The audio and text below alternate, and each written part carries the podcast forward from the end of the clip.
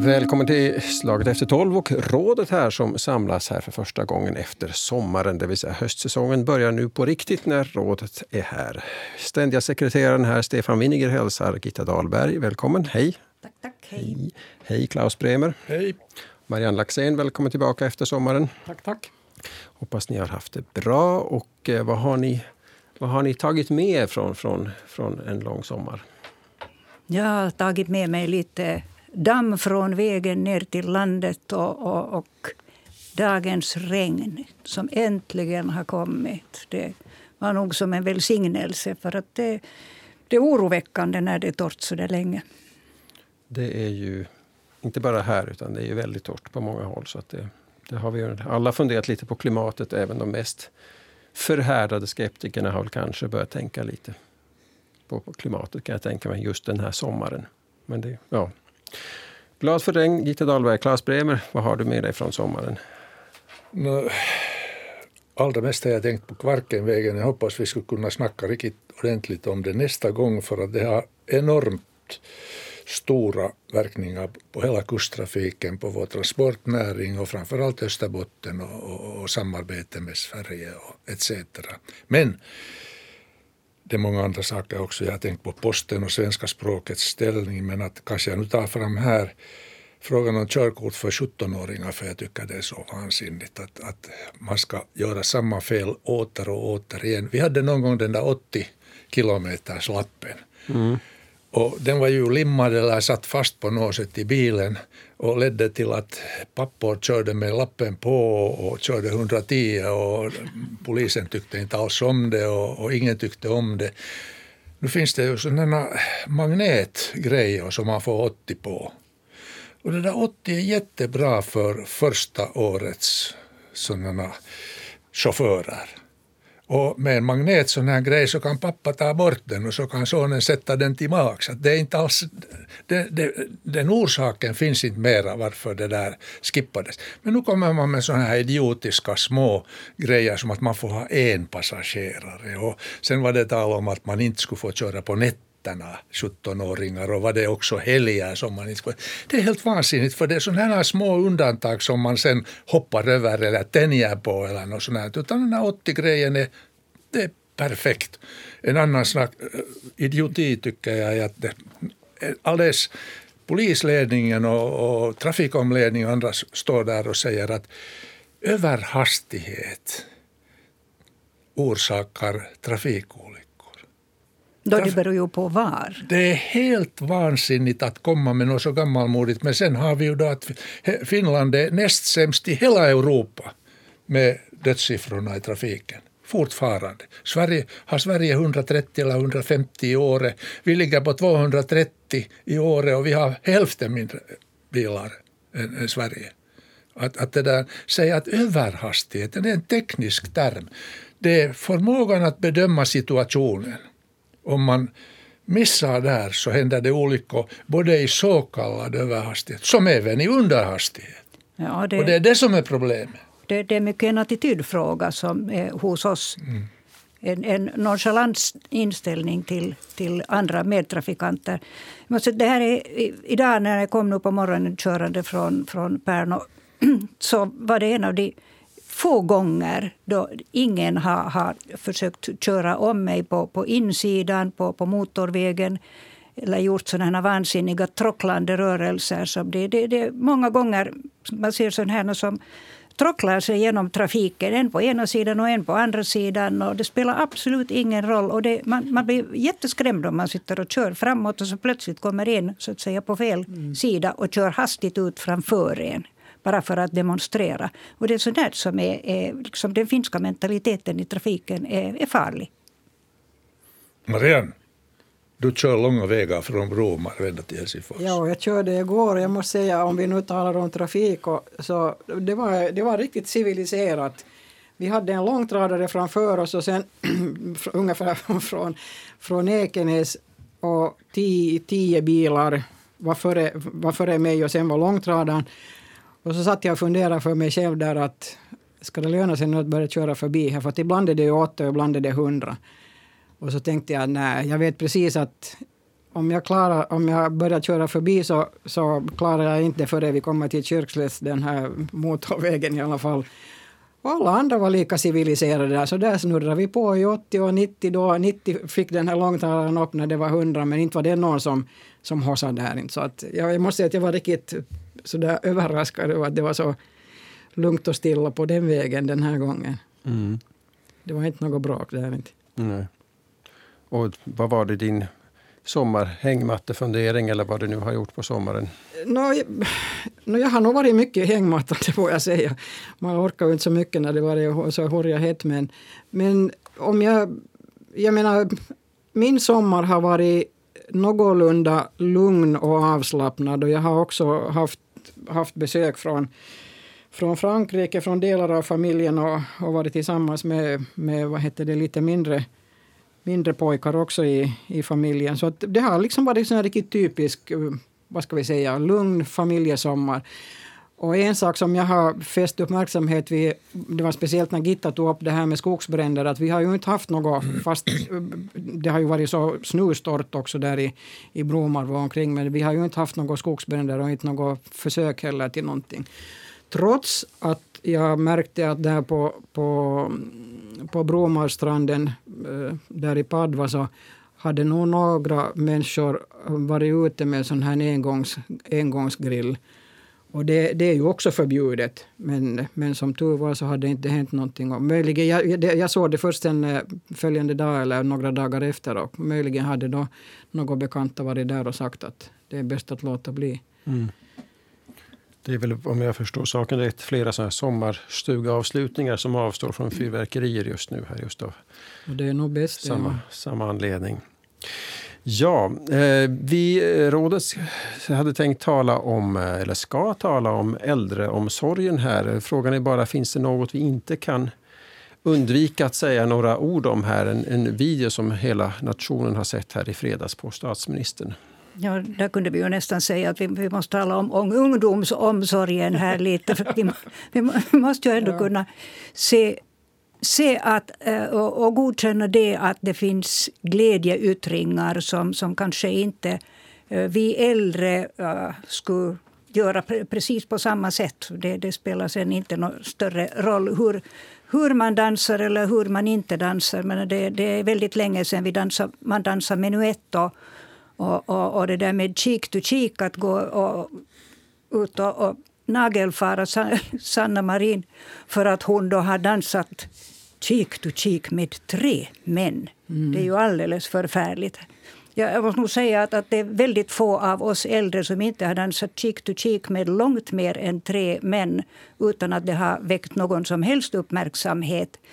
Men jag har för första gången um, riktigt med varm äh, känsla äh, vidarebefordrat eller delat ett inlägg av, av Janne Vass i, i, i Ny Tid där han na, i sin tur nagelfar chefredaktörerna och, och de politiska redaktörerna i, i de här stora mediehusen framför allt för uh, hur de har behandlat den här uh, affären med, med Sanna Marin och, och den uh, till, till stora delar otroligt oförskämda eh, intervjun de, de eh, hade med henne när hon ställer upp då som en ensam person med hela den här vargflocken emot sig på, på Bjällbo.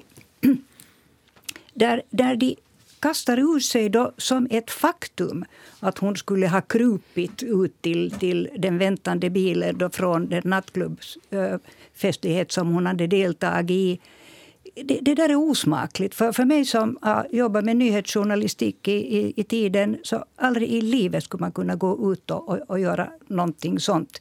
Det, det, det är ett slag under bältet och det är dessutom så är det ett slag under bältet för hela, hela pressen. För att, att det, det, efter det att det har gått ut så där starkt så börjar ju människor uh, tvivla på att, att det, det de skriver eller, eller säger är sanning.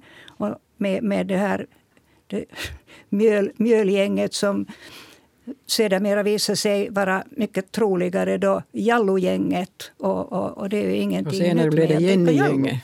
Ja. Vad, vad blev det sen? Jenny-gänget. Ja, no, det kanske nu det får man nu sen höra om de har gått ja. igenom det på allvar. det här. Visserligen så tycker jag att det är helt onödigt att man gör det för att, att eh, också en statsminister bör kunna få, få släppa loss lite och, och spexa inför en kamera på, på en privat tillställning utan att det ska bli ett sånt här rabalder. No, hon blev ju världsberömd på det här sättet. Hon har varit på CNN i ett par dagars tid åtminstone. Och, och, och var det, var det du som delade den här, den här amerikanska... Jo. Jesus, den var bra. Den, den var så rolig. Trevor, vet du, vad heter han? Noel. Ja, det var, det var riktigt. Det är svårt för de som inte har sett den att hänga med nu här. Så vi, ja, det var... Ja, men om du säger namnet så kan man, kan man se den. Ja, jag kommer inte ihåg om han heter Noel Trevor eller Trevor Noel. Okay. Men, men i alla fall, han är en, en uh, ursprungligen uh, sydafrikansk uh, komiker som har blivit oerhört uh, populär i, i, i USA. Och, och, han, han, hade då, han gjorde sig lustig över uh, raballret kring det här. Och, mm. på, och det, det kom upp i, i, i ett, ett, flöde på, på nätet för mig. Ja, ja. Han, han börjar med att luta sig framåt och säga att det är så att det finns länder där ledarna inte har osteoporos. Ja, så var det, ja, det var Biden och gänget som var där med. Ja. Jag förstår att eh, damerna här är uppbragda. Det, har, det ser man ju på Twitter att, att det, där, det här är framförallt en feministisk fråga. Jag har precis har samma åsikt att det är ju skräp att det kom ut på det här sättet och, och, och det där överdrivet och alldeles felvinklat. Eh, men bara för att ha någonting att säga åt er så säger jag att du, du börjar Gitta med att säga att börja temat med ungdomsomsorgen, 37-åring. Jo, no, det, var, det var ett skämt. Ja, och, och det där är en annan sak. Kom nu inte att säga att det här var en överraskning att det kom ut det här med eh, Sanna Marin. Om där har varit, hon har varit på ett party med människor som inte Eh, är bekanta. Så de bekanta, för de bekanta är ju statsministern något stort. Det är helt klart att det tas videor och filmer. Och hon är ju inte stupid den där bruden. Hon är clever. Nu måste du ju förstå att det kommer ut en sån här. Att inte kan hon gå och säga att det var en överraskning. Men, men, men, allt... men också det att det kommer ut saknar ju bety hey, ändå baby, betydelse. Baby, det detta, detta, som har kommit ut Hör. är ju väldigt betydelselöst. Ja, ja. Men kom, nu ska ni tänka på en sak som, som ingen egentligen har påpekat, eller det är nog någon som har påpekat det också. Men att det kom, det kom ut den dagen Socialdemokraterna hade sommarmöte, var det nu i Jyväskylä, och, och, presentera, presentera sina, sitt program för att, för att klara av budgeten. Så det var ju placerat nog. Mm. Så, och, och, och, men, men jag måste säga att jag har... På ett sätt så har jag... Jag, jag är inte riktigt villig att diskutera det här och jag skulle gärna den här gången säga så här att jag lyssnade på Slag efter tolv på fredagen när det diskuterades och jag måste säga att jag är jätteglad för allt vad Stefan Wallin sa och jag skriver under allting vad han kom fram med där så att om någon vill höra vad jag tänker så hör på Stefan Wallin på det här, på det här programmet. Sen är jag ganska mycket av annan åsikt än Erja Ylöjärvi som var den andra andra som var med där. Hon, hon, hon slirar tycker jag ibland lite på, på, på sina argument men, men det här kommer att gå över det här. Inte det, och inte kommer Sanna Marin att, att fällas på grund av det här heller.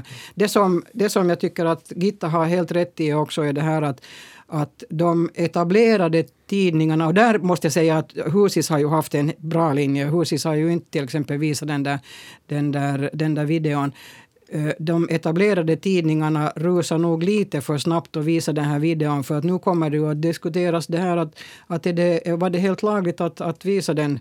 Jag menar, folk litar ju de, de följer inte eh, journalismens regler på, på, på, som är på, på det. Men, men de etablerade tidningarna borde ju i alla fall följa de, de regler som, som de har. Och det tycker jag de inte har gjort i det här fallet. Så det är nog en sak som borde funderas på också.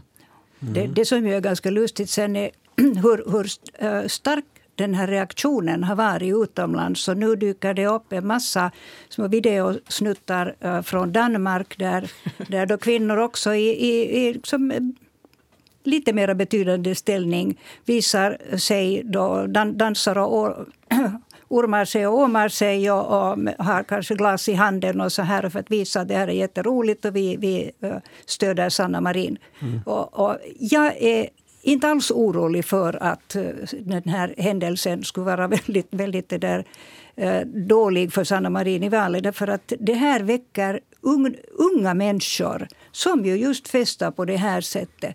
Så det, det väcker deras känsla av att vi blir också kritiserade mm. över att vi gör på det här sättet. Så att vi kan alldeles väl mm. se en, en hel massa sådana här unga människor som inte annars har, har gått till, till uh, röstbåsen, att de skulle göra det nu den här gången. hur de sen röstar, det får man ju se. Bara för att inte måste vara av samma åsikt som ni. Ska jag, ska jag ta fram en bakgrundsgrej som nog formar många Eh, Eh, boomers åsikter, nämligen Finlands enorma skuldsättning som alla är oroliga för. Och då kan jag ju säga att Katainen i tiden, hans regering gjorde fem miljarder per år skuld till. Stubbs gjorde väl 6 miljarder per år. Sipilä som alla har skällt ut egentligen men som var företagare, han gjorde bara en miljard per år.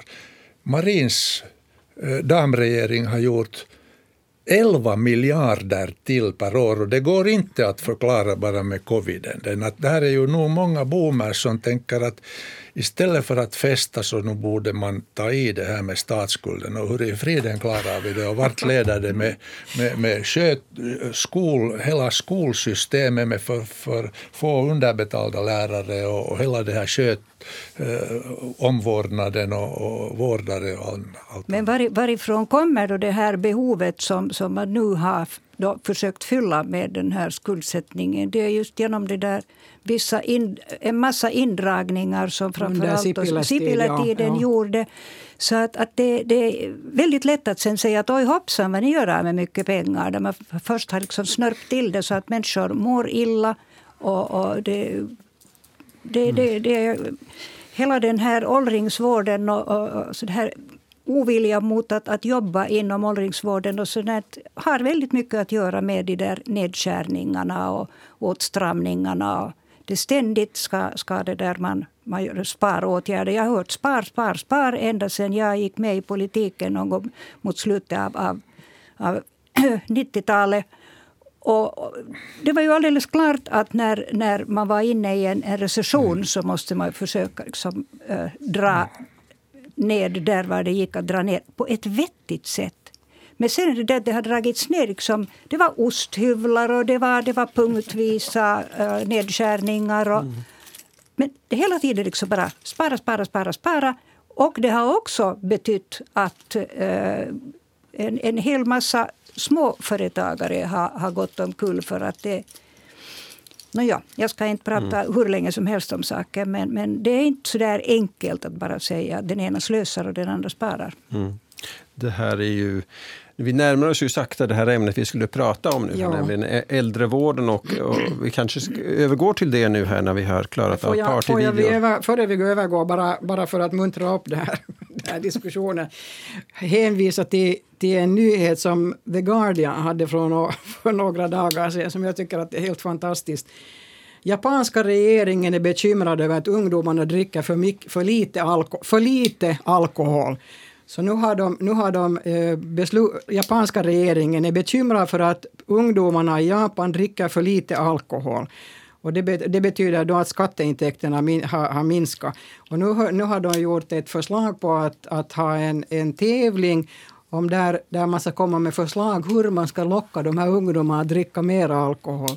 Hör och häpna, hör ni, ni som sitter och lyssnar på det här. De kan ju spela upp den här videon med Sanna Marin och visa att så här gör man i Finland då, på högre this nivå. Is, this is what we do in Finland, just det. Bra. Ja, men hörni, äldreomsorgen som vi närmar som faktiskt också var i fredags när, när hela nationen talade om dansvideor, att, att också det klarnade här att regeringens mål om 0,7 vårdare per eh, i, i äldrevården inte kommer att kunna infrias här. Det var det här vi har, skulle ägna oss åt här idag. Vill du börja? Ja, ja det där, uh, då när de började med, med uh, den här lagändringen så, så tyckte jag att man nog kunde ganska klart se att det inte kommer att kunna förverkligas så som det är avsett just på grund av att det inte kommer att finnas tillräckligt mycket personal. Det är, gäller, det är en utbildningsfråga och, och sen är, är, det också en, en inställningsfråga överhuvudtaget till den, den typen av, av arbete.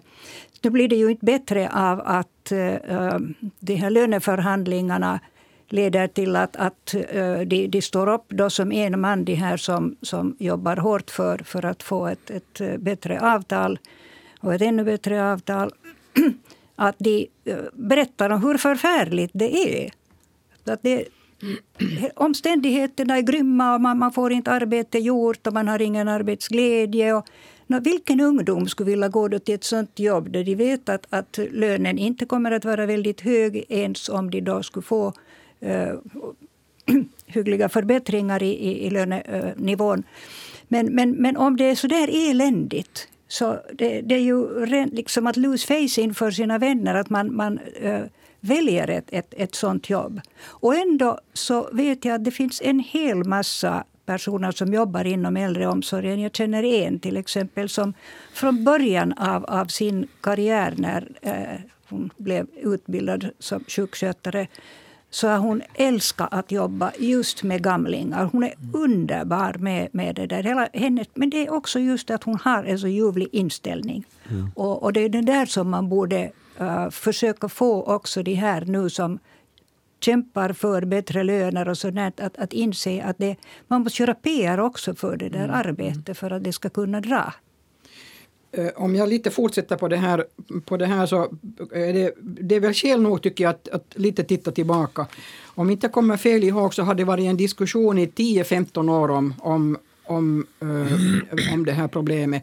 Och enligt, enligt de, de uppgifter som jag har så var det ju också eh, det var ju också en diskussion i regeringen eh, för tio år sedan, 2012, då Socialdemokraterna introducerade det här med 0,5 och där man då ville att, att det skulle tas ett beslut om 0,5 och sen 0,6 och sen 0,7 men det blev ingenting av det. Den, det var en regering där, där eh, Samlingspartiet satt tillsammans med Socialdemokraterna. Men där beslöt man, då beslöt man i alla fall 2012-2013 att ge den som en rekommendation det här 0,5 men samtidigt sa man att om inte den här 0,5 genomförs så då kommer det att bli lagstadgat år 2015. Och det, det, det hände inte den här, den här ändringen då att det skulle bli lagstadgat 2015.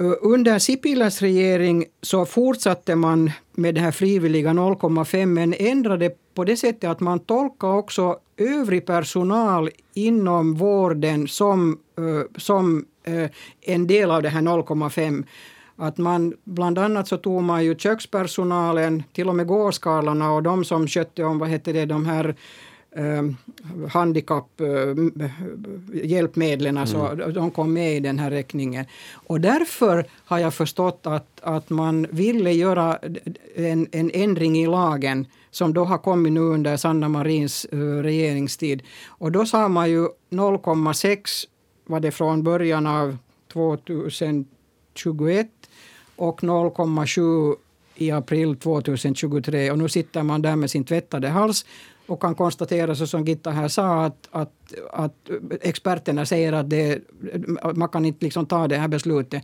Eller man kan inte, man kan inte låta lagen träda i kraft eftersom det inte finns möjligheter att, att, att klara av det hela.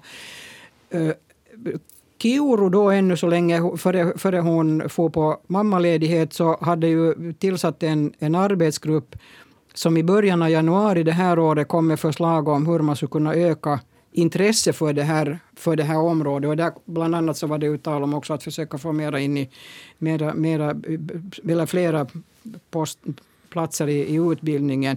Och nu har ju som ni vet så har ju Aki Lindén också kommit med vad det nu är 14 punktsprogram där han har tagit en hel, hel massa av det här som Kiurus arbetsgrupp föreslår, men ingen har märkt det heller. Där ser man just vad journalisterna, förlåt mig, håller på med Nej, de kan liksom kolla fakta, utan nu är det så som Aki Lindén ska ha hittat på det här helt och hållet för sig själv.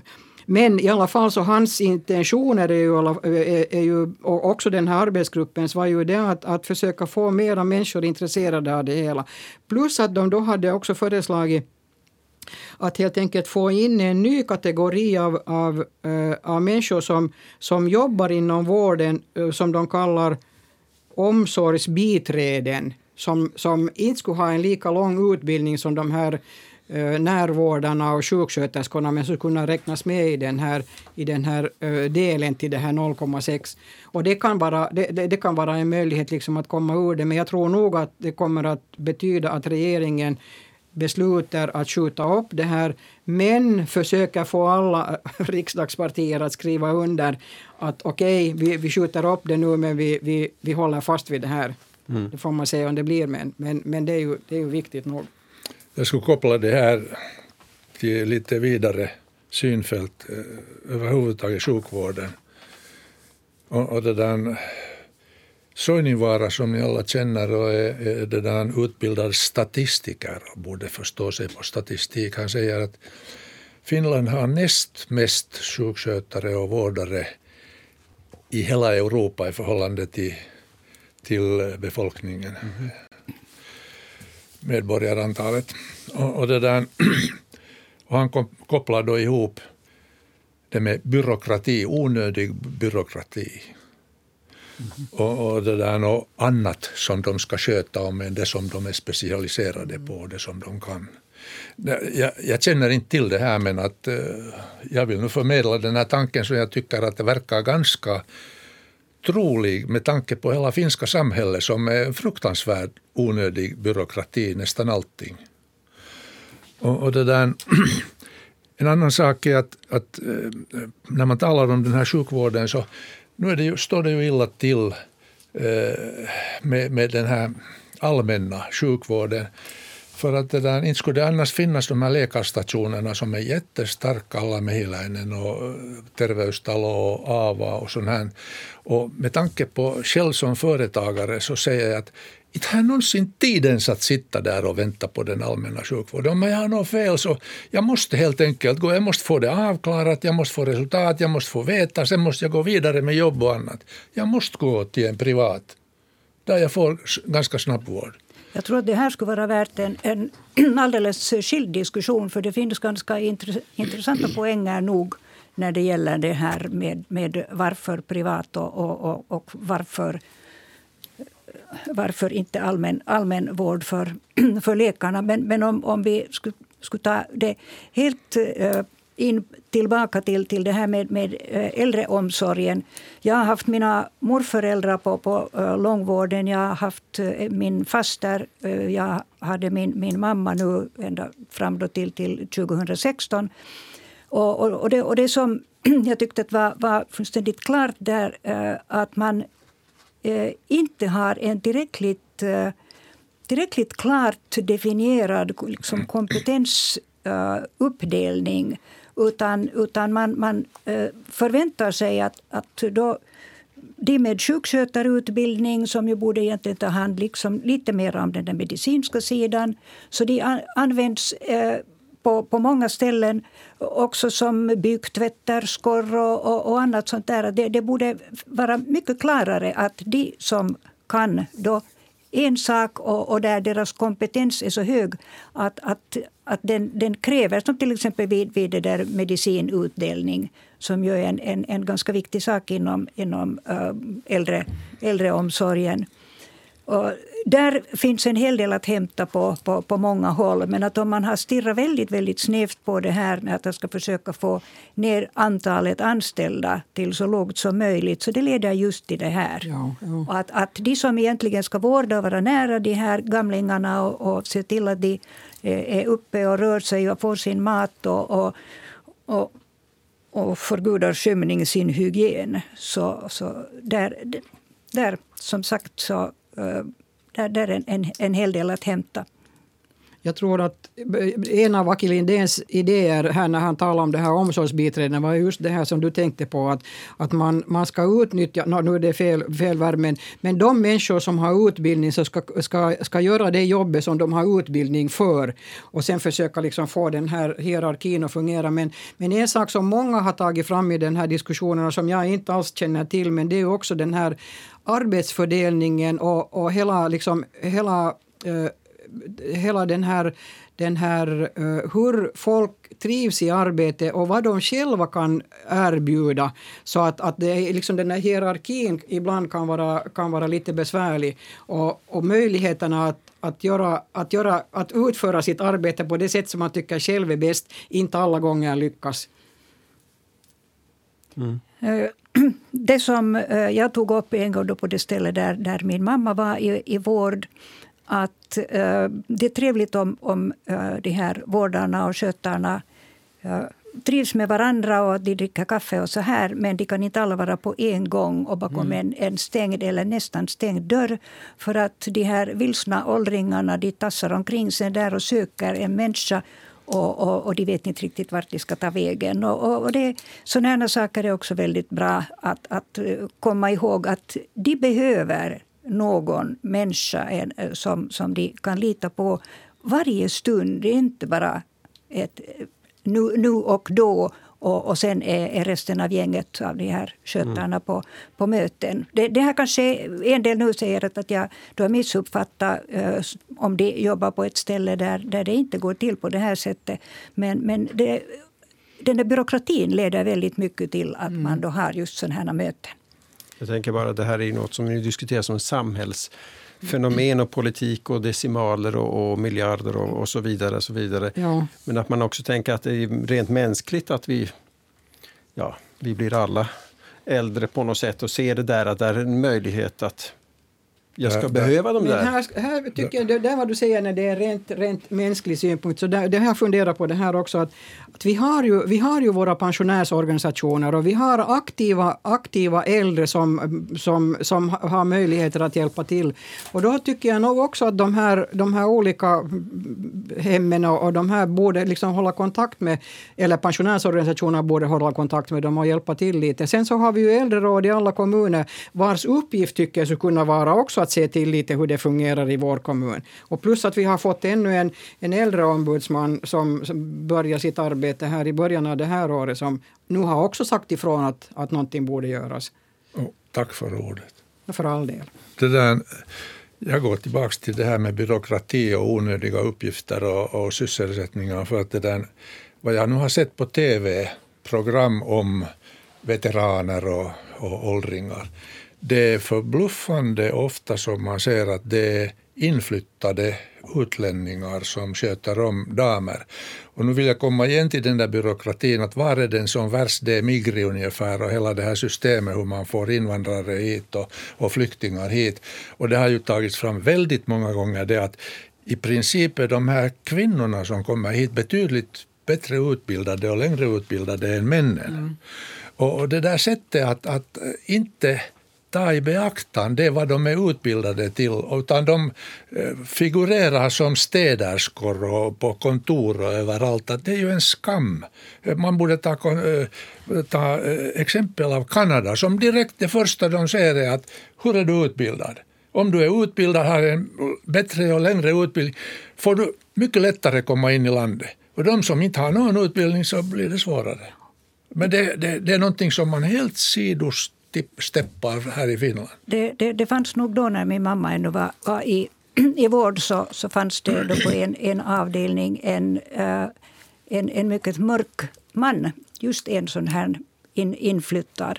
Han var mycket, mycket älskad av, av alla de där uh, uh, mm patienterna eller vårdtagarna eller vad man ska kalla dem. Och, och så här. Men, men det som jag skulle säga skulle vara väldigt viktigt när man nu då, uh, går, går vidare med den här frågan om, om bemanningen, att man borde se till, alltså det borde skrivas in i lagen också, att ingen avdelning med sådana här människor som är i, i, i, i vård borde någonsin vara, vara obemannad nattetid. Ja, ja. Det är fruktansvärt. Det kan jag säga av, av erfarenhet. Att det, Det, det är inte mänskligt. Ja, ännu en kommentar till det här med, med den här kvinnodominerade branschen.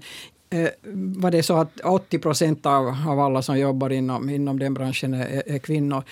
Varför kan inte vi försöka utbilda nu arbetslösa män och locka dem dit också. Men liksom det, har varit, det har varit helt uteslutet ur den här diskussionen. Det finns en hel massa arbetslösa killar som säkert skulle kunna bara, bara, liksom, bara samhället skulle stödja dem och inte liksom peka ut dem att de här är förlorare om de tar det här jobbet.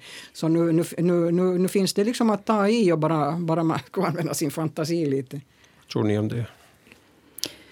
Jo, Eh, men det kräver nog, alltså en, en, ett sådant arbete kräver nog att man har en, en det där väldigt god inställning, en mänsklig inställning. Ja, men jag, jag, jag misstänker att många killar har säkert det, och de flesta. Men de bör, det ska stödas liksom på, med, med, med något sorts projekt eller, eller, eller en satsning för att, att, att locka dem misstänker jag. Det kanske inte finns så många, men det finns säkert. Och ja, man det... borde ju kunna utnyttja alla möjligheter Exakt. här. Ja. Att man ta kan, det som man kan få. Man kan, man kan låta det prova på det. Och det, det här tycker jag att, att, man kunde göra redan under, under skoltiden också med de här ungdomarna. Att uh, försöka locka flera av dem att under sin praotid eller, eller pryo eller vad de, vad de kallas. Ja, ja. Eh, komma och jobba på, på ett, en åldringshem. För att se, alla har nämligen inte ens morföräldrar och farföräldrar i, i närheten så att de skulle få en sån naturlig inblick i hur, hur en gammal människa fungerar. Ja. Det, kan, det kan uppstå alldeles underbara vänskaper med, mellan sådana här tonåringar och, och, och, och, gamla damer eller herrar. Mm. Ja, nu finns det ju många, eh, många barnskötare som är män. Inte många, men det finns. Men det finns. Ja, det finns, ja. det finns nog, men de är få. Men jag har förstått nog också att den där, den där uh, är det nu yrkesvalsrådgivningen i skolan är liksom ganska så här uh, blind för, för de här, att, att, att kliva över de här könsbarriärerna. Jag, jag, läste just en artikel här om, om vad heter det, om, om någon, det var någon yngre flicka som, som sa att det var det, liksom, att det var alldeles klart att det här är flickornas jobb och det här är pojkarnas jobb. Och, och så gick det i skolan också, att, att, att det var inte så hemskt lätt för Nej, dem att allt, välja tekniska Allt flera som tar pappaledigt alldeles frivilligt nu för tiden, att det börjar gå åt ett bättre håll. Ja, men det är pengarna som lockar där, för att nu är det delat 50-50. Yes. du, du misstänker ja, alltid Nej, någonting. inte alls. Jag är glad för det. Jag är glad för det. Ja, jag har sett en härlig utveckling just det där. Jag har sett det inom, inom vår familj också, om hur, hur, hur pappiga pappor kan bli när, när eh, hela samhället visar att, att det här är så att säga det ja. önskvärda, inte bara tillåtna utan det är det ja. önskvärda. Inte behöver man mer vara Fantomen eller Stålman eller Kovis som man heller. Nej, nej. Men skulle ni säga, så då, det, är det personal som saknas och pengar, är det det som pengar. Pengar, pengar. Det är det, ja. Ja, ja. utan, utan pengar kan man ju inte avlöna någon. Man ser ju hur det går till i Helsingfors också där, där inte lärare och, och, och andra får sina, sina pengar. Det är en, en sak som jag funderar på. Att varför i fridens namn har inte Helsingfors stad då sett till att de som inte har fått in pengar, sina löner på, på kontot att de skulle kunna få då ett, ett äh, räntefritt lån direkt från staden under den här tiden då, tills de har rätt upp den där härvan. Ja. Det kunde ju inte vara så fruktansvärt svårt. Men nu borde de ju få ränta för de pengar som de inte har fått. Eller absolut. Va? absolut. Mera än, mera än 1 procent. För, ja. för den som bor utanför Helsingfors och kanske inte har följt med, det handlar alltså om att Helsingfors stad har i år enorma problem med att få löneutbetalningarna att fungera. Det det. Ja, somliga har inte fått det alls, somliga har fått fel, någon har fått för mycket. De så det, det är en oerhörd röra. Men det tänker det här att inte då kunna betala sin hyra, inte, inte köpa mat åt sig och sina barn. Och i våra dagar det är vansinnigt. Mm. Det var, det var i Twitter var det någon, en dam som, som var utan lön två månader och, sånt, och så ringde hon till Vartiainen och hon fick det följande fredag. Så jag kan bara ge rådet att ringa alla till Vartiainen. Ja, och ifall han inte svarar i telefon så gå till Stadshuset. Ja, ett mycket trevligt hus. Mm. Just det. Och alla, sen, du sa det där, Marianne Laxén, här, det här att eh, de flesta har fått för lite. Jag, tror, jag vet inte om någon har fått för mycket. Och det, jag, jag läste om att någon ja, har fått för mycket. Ja, det stod någonstans. Ja. Just det, det är den där dagdrömmen som vi kanske alla har hängett oss i till någon gång. att Tänk om vi får av misstag en miljon på kontot. Hur snabbt ska jag tömma det kontot? Eller något sånt där. Men det har hänt alltså tydligen här i Helsingfors nu. Kanske inte en miljon just. Det här är rådet eh, som säsongstart här och eh, vi börjar närma oss en väderprognos här i Ulleveg alldeles snart. Därför säger vi tack så mycket för idag och på återhörande om två veckor. Marianne Laxén, Claes Bremer, Gitta Dahlberg, tack för att ni var här. Tack, tack. tack och hej. Tack, tack. Vi hörs igen i slaget efter tolv. Imorgon handlar det om eh, hur vi ska förhålla oss till de fortsatta coronareglerna. Ska vi fortfarande nysa i armveck och eh, snyta oss i pappersnäsdukar och stanna hemma när vi är förkylda? Eller vad är det? Då kommer nämligen herrarna Mika Salminen och Asko Järvinen hit till slaget efter tolv. Vi hörs då. Tack ska ni ha för att ni lyssnade. Stefan Winninger heter jag. Hej då.